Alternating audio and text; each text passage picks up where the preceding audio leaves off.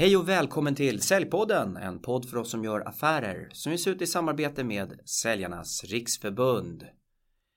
Tittar ut genom fönstret och regnet faller ner.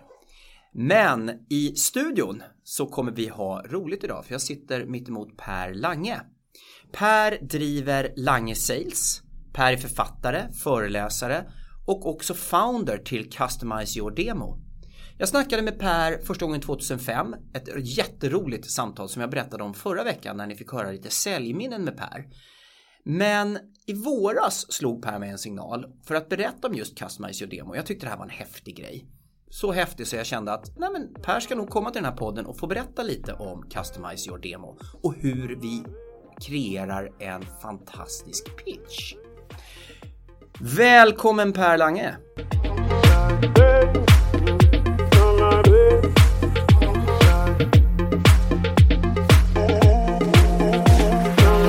Tack Ken!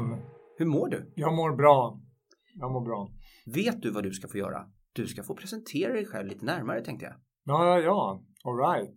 Per Lange. Började med sälj. Nästan direkt efter gymnasiet. Brukar dra den skämtet. Jag såg en annons i tidningen. Det stod så här. Säljare sökes, ingen utbildning behövs, ingen erfarenhet krävs. Jag tänkte, gud, det är min profil de letar efter här. Så jag snubblade iväg till det där jobbet. Eh, ganska skeptisk, jag ville egentligen bli författare. Men blev förälskad i försäljning, tyckte det var jättespännande. Eh, och har blivit kvar sedan dess liksom. Eh, sålt själv hela tiden.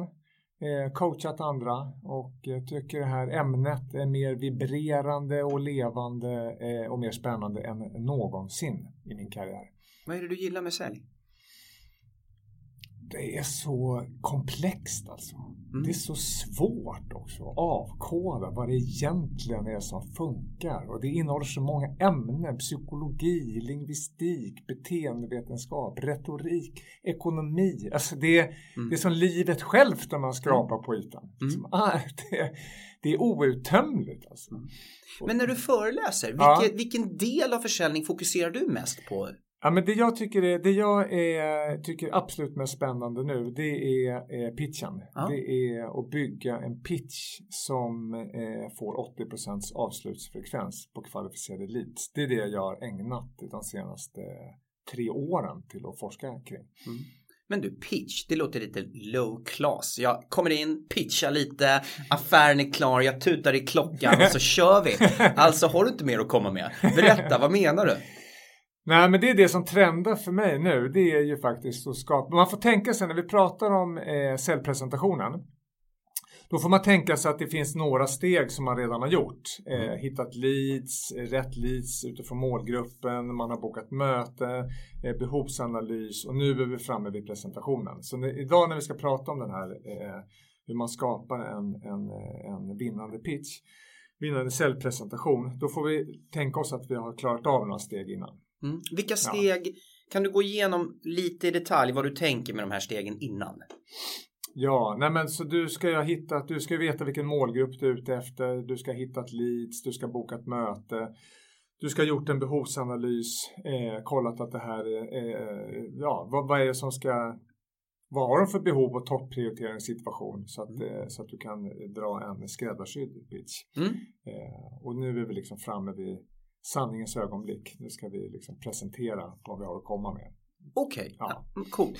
Det här som du pratar om, Customize Demo, du ska ja. få komma in på det här ja. i detalj. Ja. Gäller den alla typer av produkter, tjänster eller det är det nischat mot någonting mer specifikt? Alltså det kommer kunna bli för alla. Det vi har börjat med business to business. Ja, ja. okej. Okay. Mm.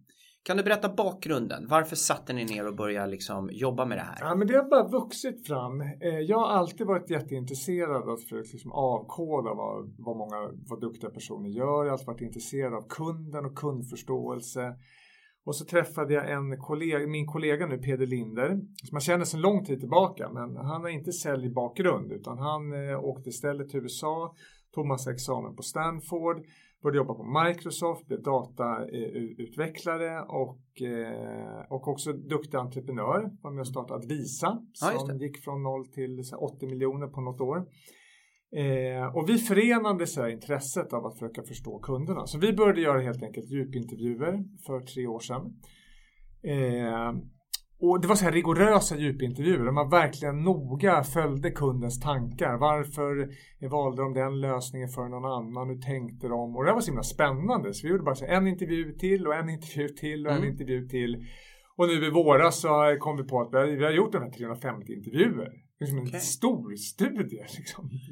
Vem har ni intervjuat? Alltså vem Då är, har vi intervjuat beslutsfattare ja. eh, och personer som varit involverade i, i, att ta beslut kring olika business to business lösningar. Jag nördar ner mig lite här. Beslutsfattare, ja. inköpschef, försäljningschef, VD. Är ja. det det vi pratar om? Ja, mm. precis. Ja.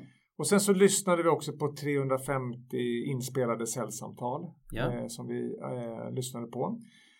Men det vi framför allt började göra eh, och, det, och, det, och det är det som har verkligen blivit intressant tycker jag. Det är att vi började titta på vad utmärker Alltså så här, i varje bransch så finns det ofta en exceptionellt duktig säljare som säljer för oerhört mycket mer än redan nummer två på topplistan. Mm. Alltså det, verkligen kan vara så här otroligt mycket mer.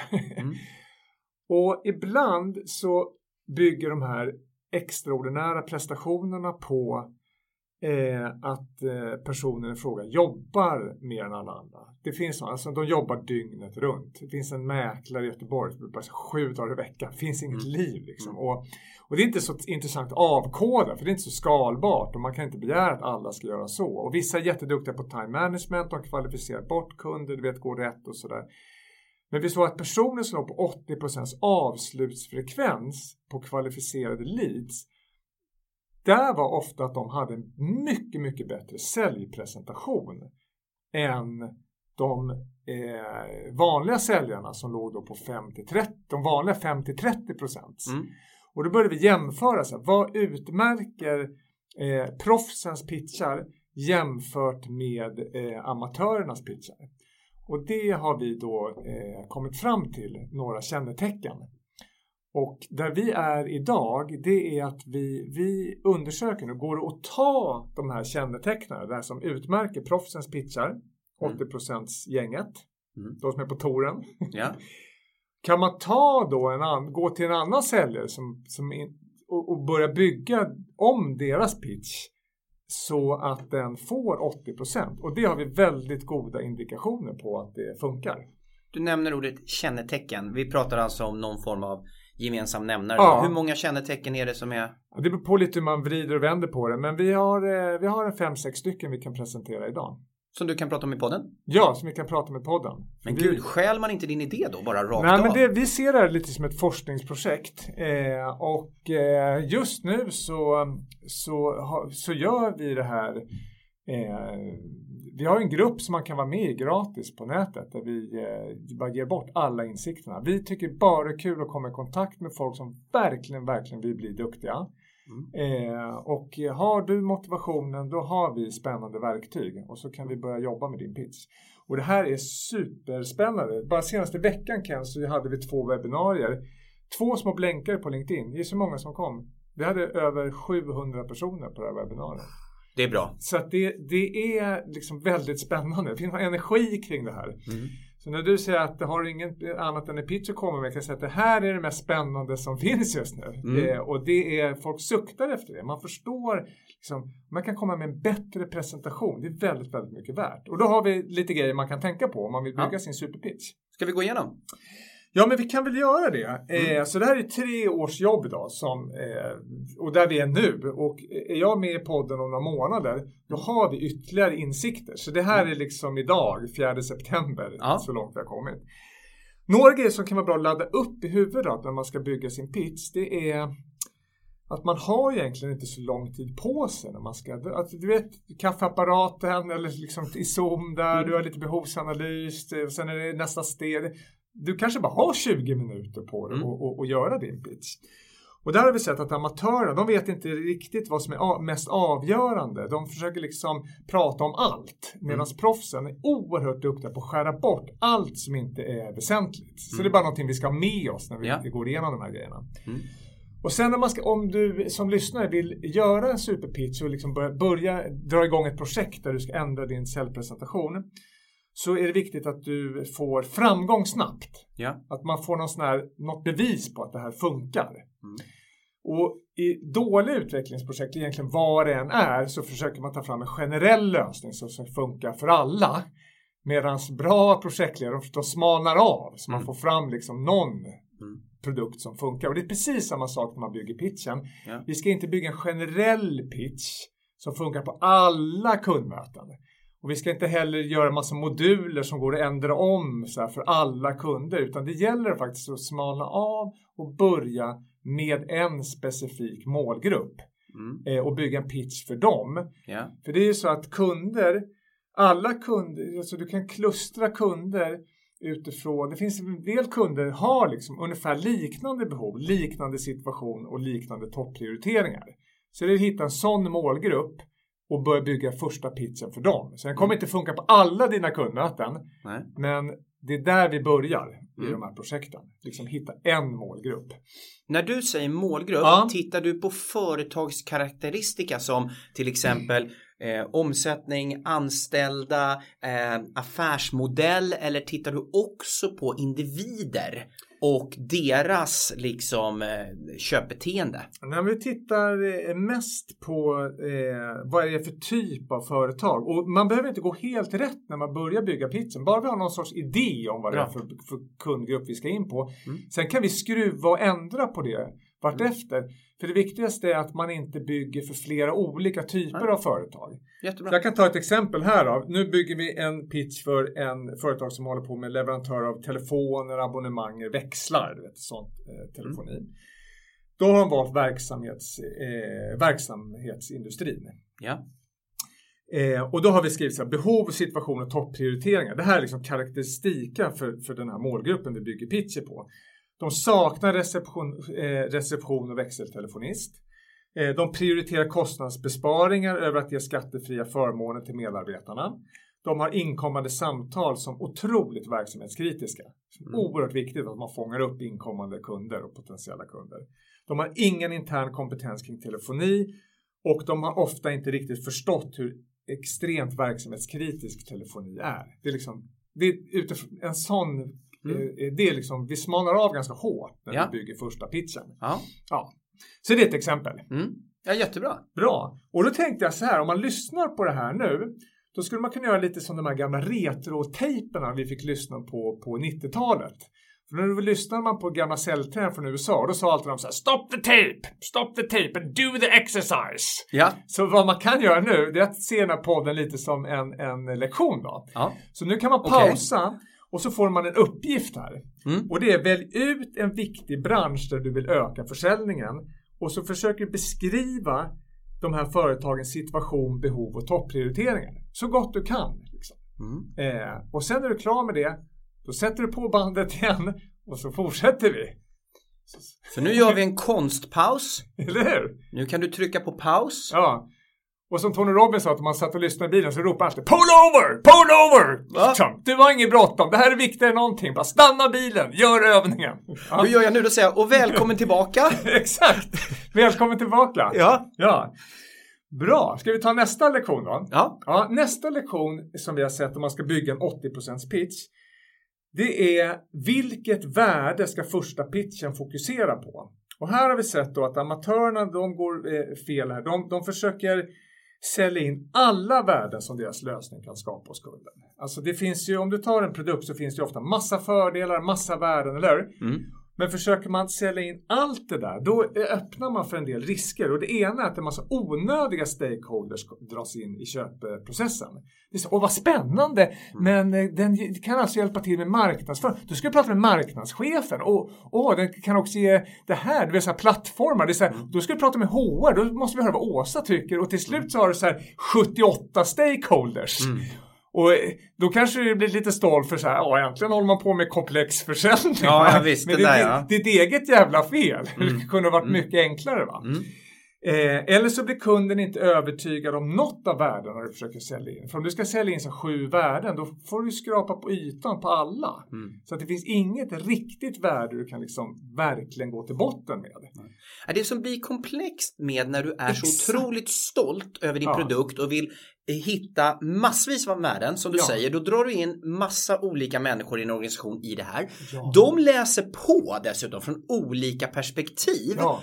Och då ska de sätta sig i ett rum och komma överens. De har haft problem att komma överens innan du kom till dem. De är osams i kaffeautomaten varje dag. Och nu ska de dessutom samsas om någonting som blir mer komplext än vad det behöver vara. Ja. Är det en summering av det du säger? Ja, och blir, man blir avskräckt av komplexiteten. Det är det Ja. enda som händer. Mm. Det är som om man häller på vatten på ett glas. Till slut så svämmar informationsmängden över. Mm. Och du Mm. kommer, det låter jätteintressant men vi måste vänta för det, det blev för komplext där. Va? Mm. Och dessutom tar det mycket längre tid att bygga en pitch som ska ta hänsyn till liksom alla de här värdena. Så vad vi har sett att proffsen gör, de här exceptionellt få säljarna som har 80% closing, de väljer ett värde. De väljer inte flera värden, de väljer ett värde. Mm.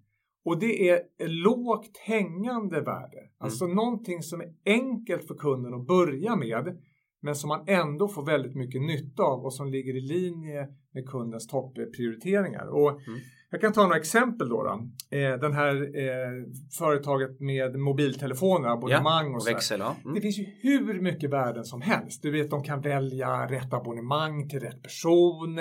Man kan få val av telefoni. Du kan få den eh, färdigförpackad. Det finns så reparationer så att du inte, om du tappar din telefon så har du en ny. Du vet, det det är en helhetslösning. Mm. Men det där blir liksom obegripligt att ta in allt det där. Mm. Utan det värde som vi koncentrerar oss på till den här, till den här målgruppen jag berättade om i första ja, lektionen där.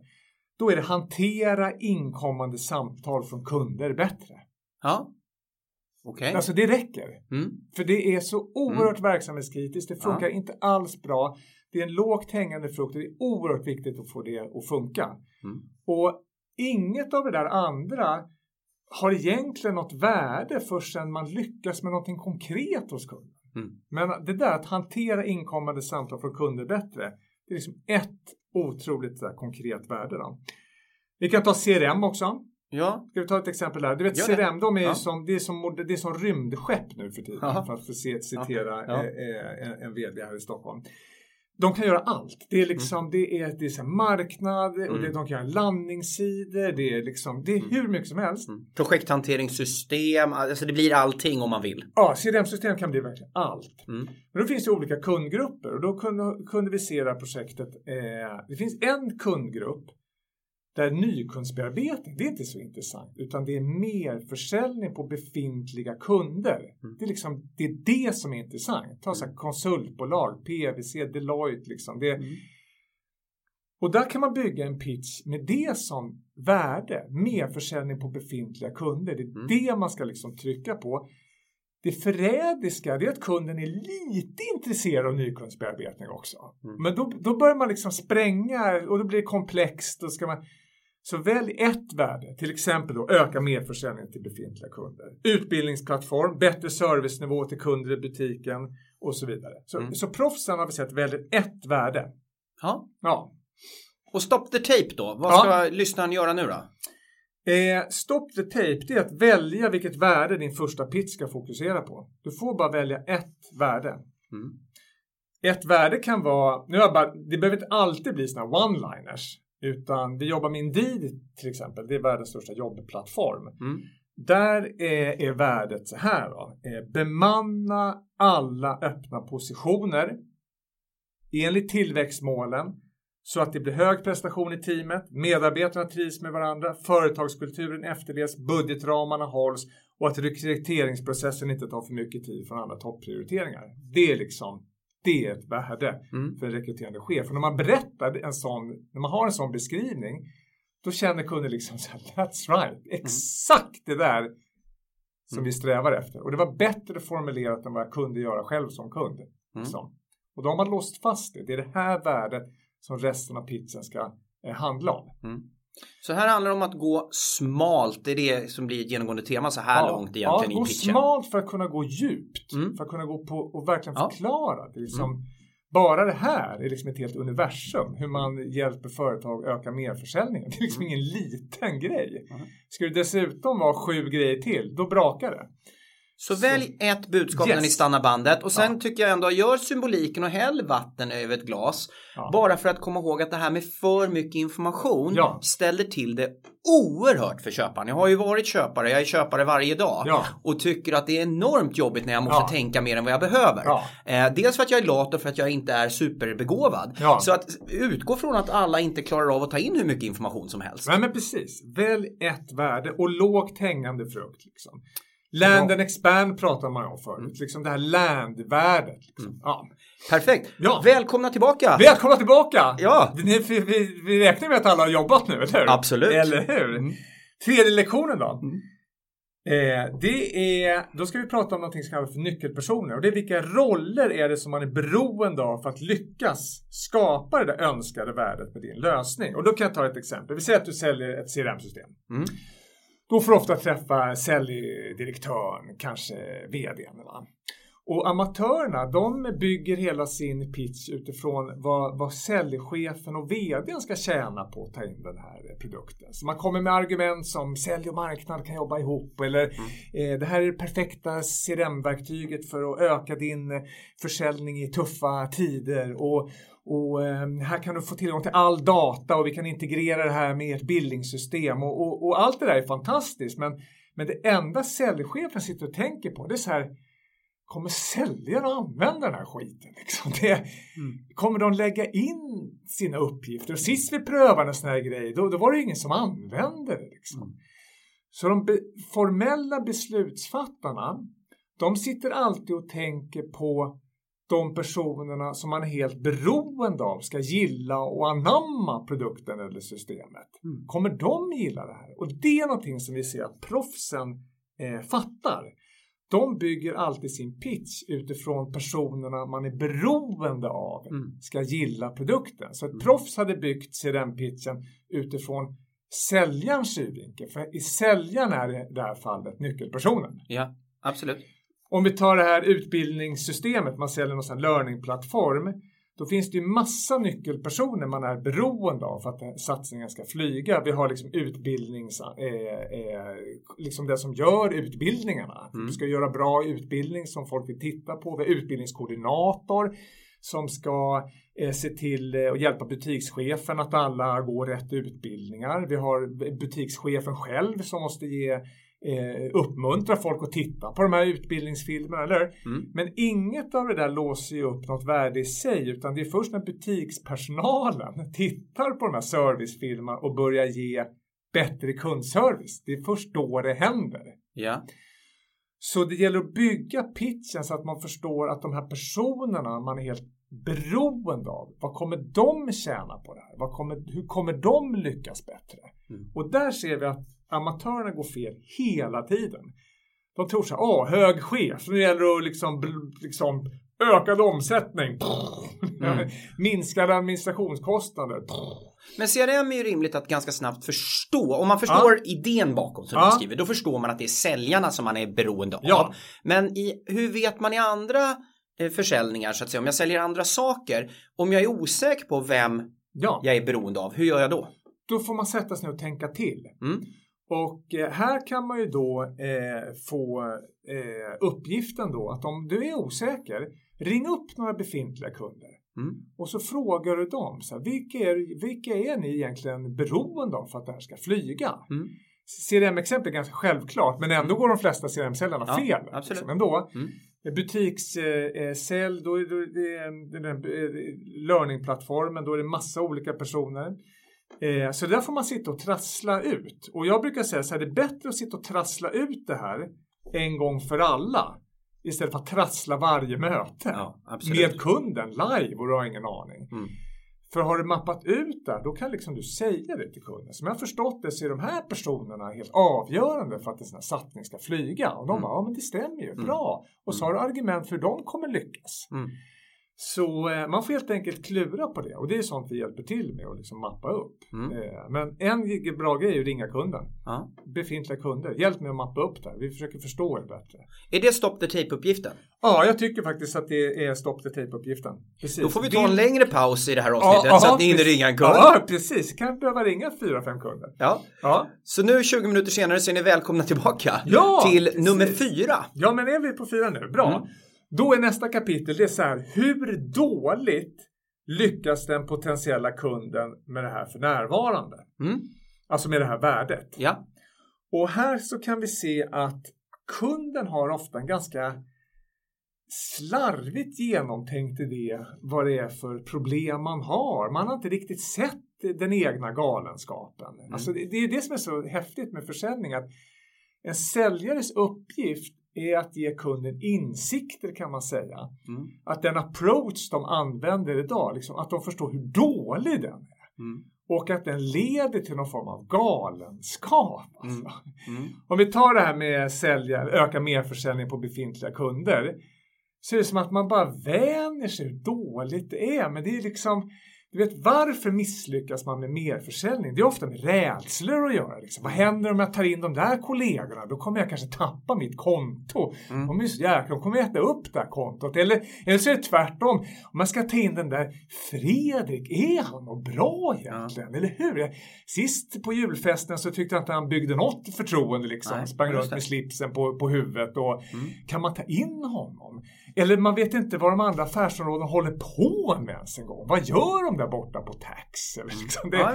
Nej, och, och, och passar man inte bollen internt så passar man den till en konkurrent, eller hur? Men Absolut. det är ju rena galenskapen. Mm. Alltså det här är en bra säljare ska komma in och sätta ord på vilken dålig lösning kunden har på plats. Alltså Mm. vilket dålig approach. Det, det är rena vansinnet att vi har det som vi har det. Mm. Här vill jag bara Ja. fråga en grej, bara för att Ja. man ska få rätt mindset. Ja, Eh, du använder att det är slarvigt tänkt av kunden, det är dåligt och det är galet. Eh, det jag är ute efter här, Mm. nu är jag lite ledande, mm. det är väl någonstans att bara bejaka som säljare att det kan vara så utan att tycka att kunden är dum på riktigt, utan att det är ganska vanligt att kunderna inte har kunnat förstå allting. exakt. Och där sa du nyckelordet. Det gäller då att de bästa som får ner garden hos kunden. Mm. För det är rätt att tänka sig att vi har det bra som vi har det. Mm. och har garden uppe. De använder just ord som vanligt. Det här är Mm. någonting vi ser överallt. Mm. Normalisera. Ja, normalisera och det egentligen skapar trygghet också. Mm. Alltså igenkänningsmetoden. Mm. Du sätter ord och du sätter ord på saker som kunden bara vagt känt att det här är ändå inte bra. Mm.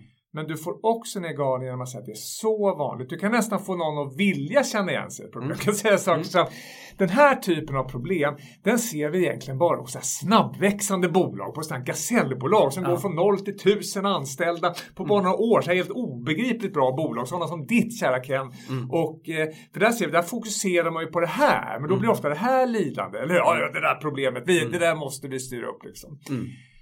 Mm. Men det är en enorm trygghet som proffsen Mm. tar fram där. Mm. Vi tar den eh, svåraste pitchen av dem alla. Det är att få en, eh, en missbrukare att inse att den har problem. Liksom. Mm. Och alla har varit på den här personen. Vi borde sluta dricka, du får inte ta det liksom så här.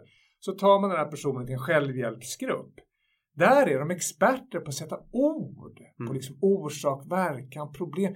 Där får de inte höra att alkohol är dåligt. Där kan det låta så här att du vet alkohol, det var helt fantastiskt. Du vet, jag har alltid känt mig lite off i många sammanhang, lite, lite utanför, framförallt med andra människor, att jag inte riktigt passar in. Det känns som alla andra connectar mycket bättre än vad jag gör med dem. Mm. Det är som att här är jag, här är en osynlig mur och på den andra sidan muren, det här är här mänskligheten. Jag får inte kontakt liksom. Och, och det känns som att det är liksom ett halvt trumslag fel i det. Jag går in i köket och kommer, går alla ut och så står man själv i chipsskålen och så Mm.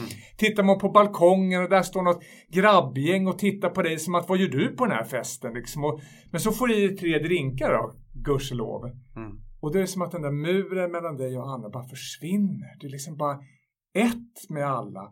Och på balkongen så är det som att det står ett par nya människor. Mm. Som är världens trevligaste och bara tittar på dig. Men kom ut Mm. här! Och, Ah, Och där sker En starten. lösning. Mm. Problemet är sen att du inte kan kontrollera mängden du häller i det så att börja dricka blir det för ett tag som en rysk roulette. Klick, ibland funkar kvällen, klick en kul kväll och ibland boom! En blackout, en kula i loppet och ju äldre du blir desto mer kulor är den där pistolen. Och då kan någon som, du vet det kan vara någon som, folk har varit på den här personen i 30 år att den har spårat ut och den bara hör den här beskrivningen bara That's me liksom. Mm. Det där är jag. Mm. Wow! Mm. Det är liksom, garden går ner. Jag har också det där. Här, jag träffar en person som förstår hur jag har det. Mm. Och det gör stjärnceller också. De beskriver den arbetsplatsen som att liksom, wow! Mm. Ja, det är ju galenskap det vi håller på med. Att vi inte tar in varandra på projekten. Och, Mm. Och det har ju faktiskt hänt att vi har släppt in konkurrenter när vi själva kunde... Alltså, Mm. fan, det, nu får det vara nog med det här. Liksom. Och här kommer med? in någonting som vi Mm. kommer prata om senare i podden och som är Ja. en, en riktig fluga nu på LinkedIn och det är det här Ja. med ålder. Ja. Och det är ju så här att ju äldre du blir desto mer situationer har du sett som säljare. Mm. Vilket gör att det här normaliseringen och igenkänningen Mm. den blir ju äkta för att man de facto har sett organisationer där det har varit så Mm. här.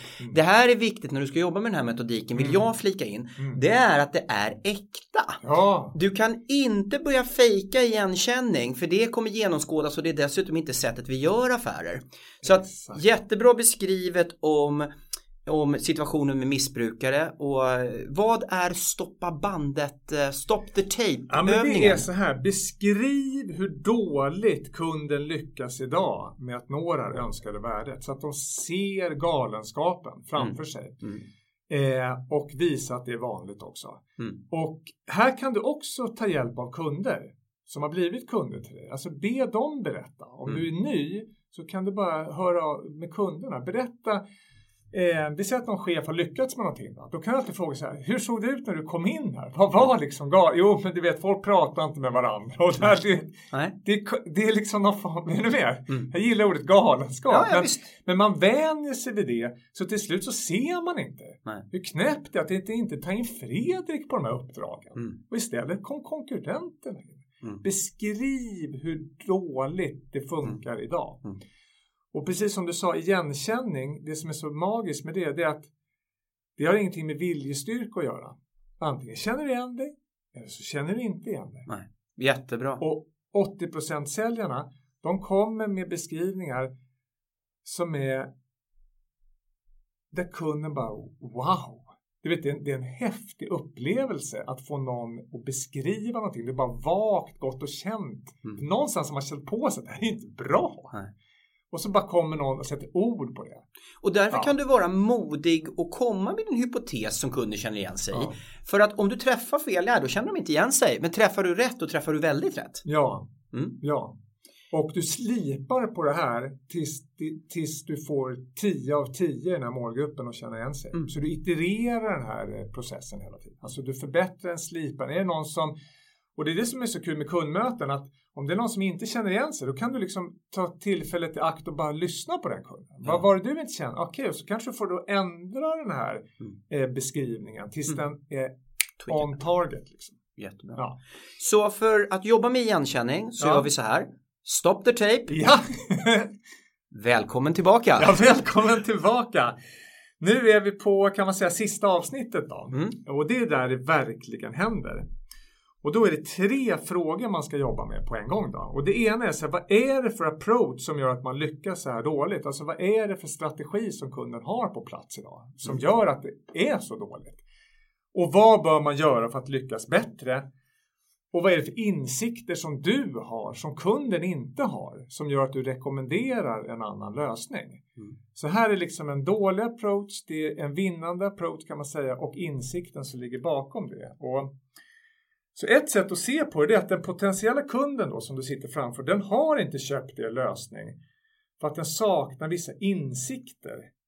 Alltså du kan någonting som kunden inte kan. Mm. Hade kunden kunnat det du kunde, då hade de köpt. För de, de eh, behöver det här. Liksom. Mm. Och med kunskap, då menar inte du att producera den tjänsten eller produkten som du tillhandahåller utan menar du värdet bortom produkten eller tjänsten eller vad menar du med det där? Jag, jag menar så här, kunden har en approach idag som gör att till exempel det sker ingen merförsäljning. Ja. Och det gäller att de får syn på det. Vad, vad är det för approach? Mm, bra. Och sen kommer du med en, en, en vinnande approach. Mm. Gör så här istället. Mm. Och i den eh, strategin så ingår din produkt. Ja. Det är därför du är Precis. där. Jättebra. Men du föreslår att man ska göra på ett annat sätt än vad kunden gör mm. på grund av att du har vissa insikter mm. som kunden inte har. Och jag mm. kan ta ett exempel, för utan exempel förstår man ju ingenting. Nej. Eller? Nej. En, av de här, en av de här säljarna vi undersökte var en mäklare. Hon hade 95 procents avslutsfrekvens ihållande över tid i blodig konkurrens. Alltså det är så bra så att man bara... Eller mm. En av hennes insikter som hon, jag skulle kunna dra hela hennes pitch, den är helt fantastisk. Men en insikt var så här då. Om spekulanten inte får svar direkt på sina frågor. Du vet, du kommer, du kommer som spekulant, du tittar mm. på en lägenhet, då är det som att din köpintresset går upp. Liksom. Vad fint här, passar våra behov. Mm. Och någonstans när köpintresset är liksom verkligen på topp, då kommer frågor. Mm. Men får du inte svar på dina frågor direkt på visningen, då sjunker köpintresset. Okay. Mm. Det går liksom tillbaka. Ja, men vi mm. tittar på någon annan, hon kunde inte svara på de här frågorna. Liksom. Men om du får svar på frågorna mm. direkt där. Och, kan man gå tryggt till skolan? Ja, det finns en gångtunnel här och där går folk i det här området redan från, eh, från tvåan kan gå till skolan. Där, liksom. mm. Då ökar köpintresset och då går man in i budgivning. Ja. Så det är en insikt som hon hade. Det är liksom, den, I hennes värld stämmer det. Då finns det ju två saker, vad man inte ska göra och hennes vinnande strategi. Vad man inte ska ha då, det är att ha en, en ensam mäklare på visningen som inte fångar upp alla spekulanterna och som inte är tillräckligt påläst för att kunna svara på frågorna direkt. Liksom man hör att mm. tror man på insikten så är det verkligen ingen mm. bra approach. Nej. Hennes vinnande insikt, då sa hon den här insikten, trygga eh, köpare, när de får svar på frågorna så är det större chans att de går in i budgivningen. Då sa hon så här, därför så är vi alltid två stycken personer på visningen. Så vi kan fånga upp alla spekulanter och så är vi dessutom extremt pålästa. Du vet, vi kan allt från liksom vindsutrymmen till trygg gångväg till skolan till närmsta affär. Alltså vi, vi kan svara på allt. Uh. Eh, vilket gör att kunden kan få svar direkt på sina frågor och då kliver de in i budgivningen. Liksom. Och här sa du ja. väldigt tydligt att det här var hennes insikt. Ja. Det finns verksamheter där det finns andra insikter där du inte kan svara på allting direkt utan kanske måste återkomma inom åtta timmar eller två timmar Exakt. eller vad det nu är. Men det här var hennes insikt. Det här var just för mäklare mm. innerstan. Mm. Liksom, ja, så att jättebra. Det är insikter från olika branscher. Så det man ska fundera på här då, det är just om man ska ta en uppgift då. då. Ja, men du måste ju säga stop the tape. Ja, stop the tape mm. och gör den här uppgiften då. Mm. Då är det så här, vad är det för approach som gör att kunden lyckas dåligt? Alltså vad Strategi är nästan för fint ord för galenskapen de har ställt till med. Mm. Men vad är det som gör att de att de har det på det här sättet. Mm. Vad kan kunden göra bättre liksom för att lyckas bättre med det här värdet? Det här värdet vi pratade om i början. Yeah. Och sen vad är det för insikter som du har som kunden inte har? Mm. Eh, som, som du bygger dina rekommendationer på. Mm. Eh, för det är då det är då säljaren blir den här experten. Då blir den här säljaren verkligen någon, en person som tillför kunskap, insikter som gör att du kan lyckas bättre med någonting som är topprioriterat för dig. Så här har ju ja. du egentligen trattat ner ja. spin selling eller insight selling eller challenge sales i någonting ja. i fem stycken specifika områden som vi måste behärska som organisationer och individer. Alltså individer menar jag toppsäljare. Ja. Ska du repetera de här fem eh, väldigt tydligt eh, utan stop the tape utan bara pang, pang, pang, pang. Ja. Först, första grejen innan man ens börjar med projektet. Eh, välj målgrupp.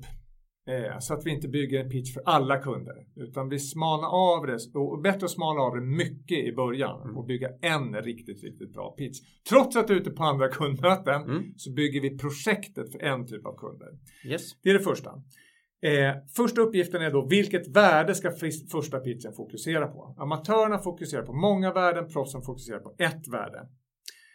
Eh, nästa det är tänk igenom vilka nyckelpersoner som finns för, eh, som de formella beslutsfattarna är beroende av för att din satsning, för den här satsningen ska flyga. Mm. Amatörerna de tar fram argument för de formella beslutsfattarna medan proffsen De bygger argument och visar att de, alla de här personerna man är beroende av, hur de kommer lyckas eh, och att, varför de kommer gilla det här systemet. Och det är det de formella beslutsfattarna sitter och undrar över. Mm. Kommer Kalle och Stina Mm. gilla det här liksom? Och så är det. Ja, Det kan jag lova. Ja, och sen är det så här. Eh, beskriv, hur då, eh, beskriv hur dåligt den potentiella kunden lyckas med det här för närvarande. Alltså beskriv galenskapen. Att man inte tar in sina kollegor på merförsäljning. Förstår du? Liksom? Beskriv galenskapen. Eh, amatörerna, de frågar eh, kunderna så här, vad har ni för problem? Ja, vi har inga problem här. Eller har ni det här problemet? Nej. Mm. Medan proffsen kan sätta ord på problemet och få igenkänning på det istället. Mm. Och sen den sista övningen då, där det verkligen händer, det är varför lyckas kunden så här dåligt? Alltså vad har de för approach som gör att det blivit så här jävla tokigt? Mm. Vad kan de göra bättre och vad är det för insikter som du har, som du baserar dina råd på? Du kan någonting som kunden inte kan. Mm. Vad är det? Det, det sitter på insikter här. Där har vi eh, grejerna. Och sen gäller det att iterera det här. Det brukar säga verkligheten anfaller. Så ta pitchen, eh, även om den är halvklar med de här grejerna och så åker du ut och prövar och så ser du kundmötena mer som att du inhämtar information. Att de känner inte igen sig i det där, ja, då är det fel på pitchen, då är det fel på din beskrivning. Och så itererar man sig så här. Så vi har ju testat det här nu och tar de här eh, eh, eh, grejerna då. Mm. Och så är vi ute efter, går det att ta en, en, en annan person och börja bygga om pitchen utifrån de här? Och vi har ju starka indikationer på att vi lyckas väldigt bra nu. Eh, så vi, vi jobbade med en kille som heter Jakob på Indeed. Eh, fantastisk eh, kul person att jobba med.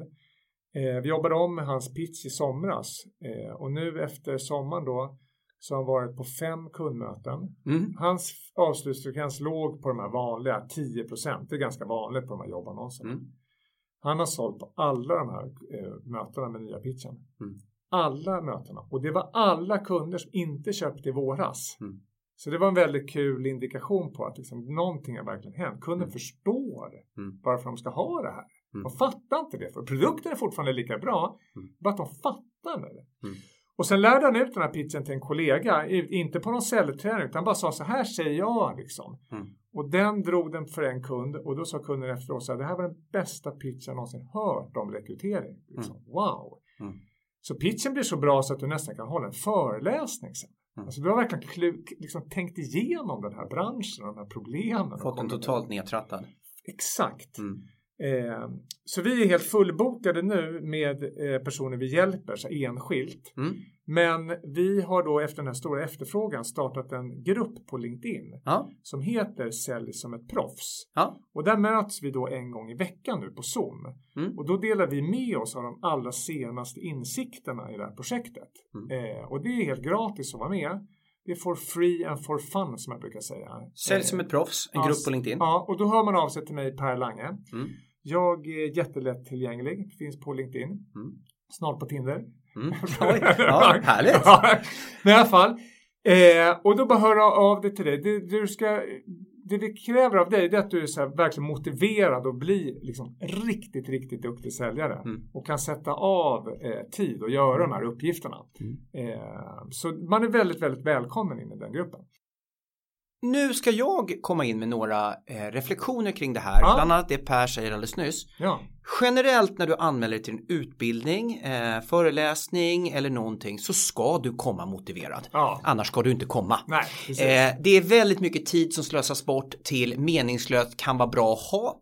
Utan ska ni komma till det här eller någonting annat så ska ni vara motiverade förstås. ja, Jag tror det är jätteviktigt och anledningen till att jag har bjudit in Per kopplat till det här ämnet är att jag brinner väldigt mycket för det här som handlar om att ta in en djup kunskap, prata med många kunder, Ja. tratta ner och hypotestesta, våga testa en pitch. Mm. Ta reda på den landade inte, då tar vi en ny kunskap, vi går hem och gör om, vi går ut och gör igen Exakt. och hela tiden utvecklar jag tills det optimala kommer. ja. Eh, och det här ska man ha som ett DNA i alla organisationer. Mm. Och får jag lägga till en tredje sak Per? Lägga till hur mycket du vill Ken. Eh, jag har fått förmånen att bygga upp en cross-selling-funktion, dels inom Wise Group men också inom ett antal andra organisationer. Och ett väldigt stort problem med cross-selling handlar om bristande förtroende för ens egna kollegor. Det har inte med kunden att göra utan det har det där med slipsen på julfesten som hängde snett på, på Daniel eller Per eller vem det nu var. På den stackars Fredrik som vi har. Stackars Fredrik ja, alltid, alltid Fredrik. Ni måste se till att lära känna varann och varandras kompetenser och personligheter. Respektera de bitarna och våga ta in Fredrik hos kunden. Fredrik klarar av det där, annars kan han inte jobba hos er. Fredrik. Ja, just Fredrik tar vi bort. Ja. Men det här är kärnan. Din osäkerhet över din kollega. Fundera på det. Varför har den uppstått? Är det verkligen reellt eller är det bara en känsla? Kan jag göra någonting åt det? För om jag inte gör något åt det, då kommer det skada mitt bolags affär. Mm. Var det okej okay att jag la till det? Ja, men vad bra. Du tog ett av, ett av exemplen och spann vidare på det. Ja, och ja. alla ni som heter Fredrik får absolut inte känna er kränkta. Ni får höra av er till mig i så fall. Eh, per, är det något slutord du vill ge till lyssnarna? Ja, men det är bara kom med i gruppen om du känner att du vill bli eh, liksom säljets eh, Jordan. Alltså kom med. Vi, mm. vi skulle tycka det var jätte, jättekul mm. eh, att vara med i det här. Vi ser det som ett forskningsprojekt mm. eh, och det är väldigt spännande. Eh, annars är det bara jätte, jättekul att vara med Ken. Eh, mm. Ja, det var jätteroligt att få vara här och, och, presentera det vi har just nu. Mm. Och kommer vi tillbaka om några månader så har vi nytt innehåll. Mm. Det här är så bra. Det här, det här är vad vårt tänk har landat i just nu, liksom, idag. Härligt. Per mm. hittar ni på LinkedIn. Ja. Eh, han nås faktiskt på telefon också. Eh, det är lite märkligt i dessa tider och tydligen också på Tinder. Eh, Nej, inte än. Inte än. Hörrni, eh, stort tack Per för ja. att du var med mig idag. Ja, ja, superkul att vara här. Tack Ken. Och tack alla lyssnare. Eh, fantastiskt roligt att ni lyssnar. Eh, nya avsnitt varje vecka. Eh, jag har en otroligt trogen lyssnargrupp som dessutom växer för varje dag. Så att tipsa gärna dina vänner. Eh, det finns alltid ett avsnitt och glöm inte de gamla avsnitten med Mattias Hillerstrand eller de avsnitten som inspelade tidigare under vår och sommar med mig. Ha det gott och eh, trevlig vecka.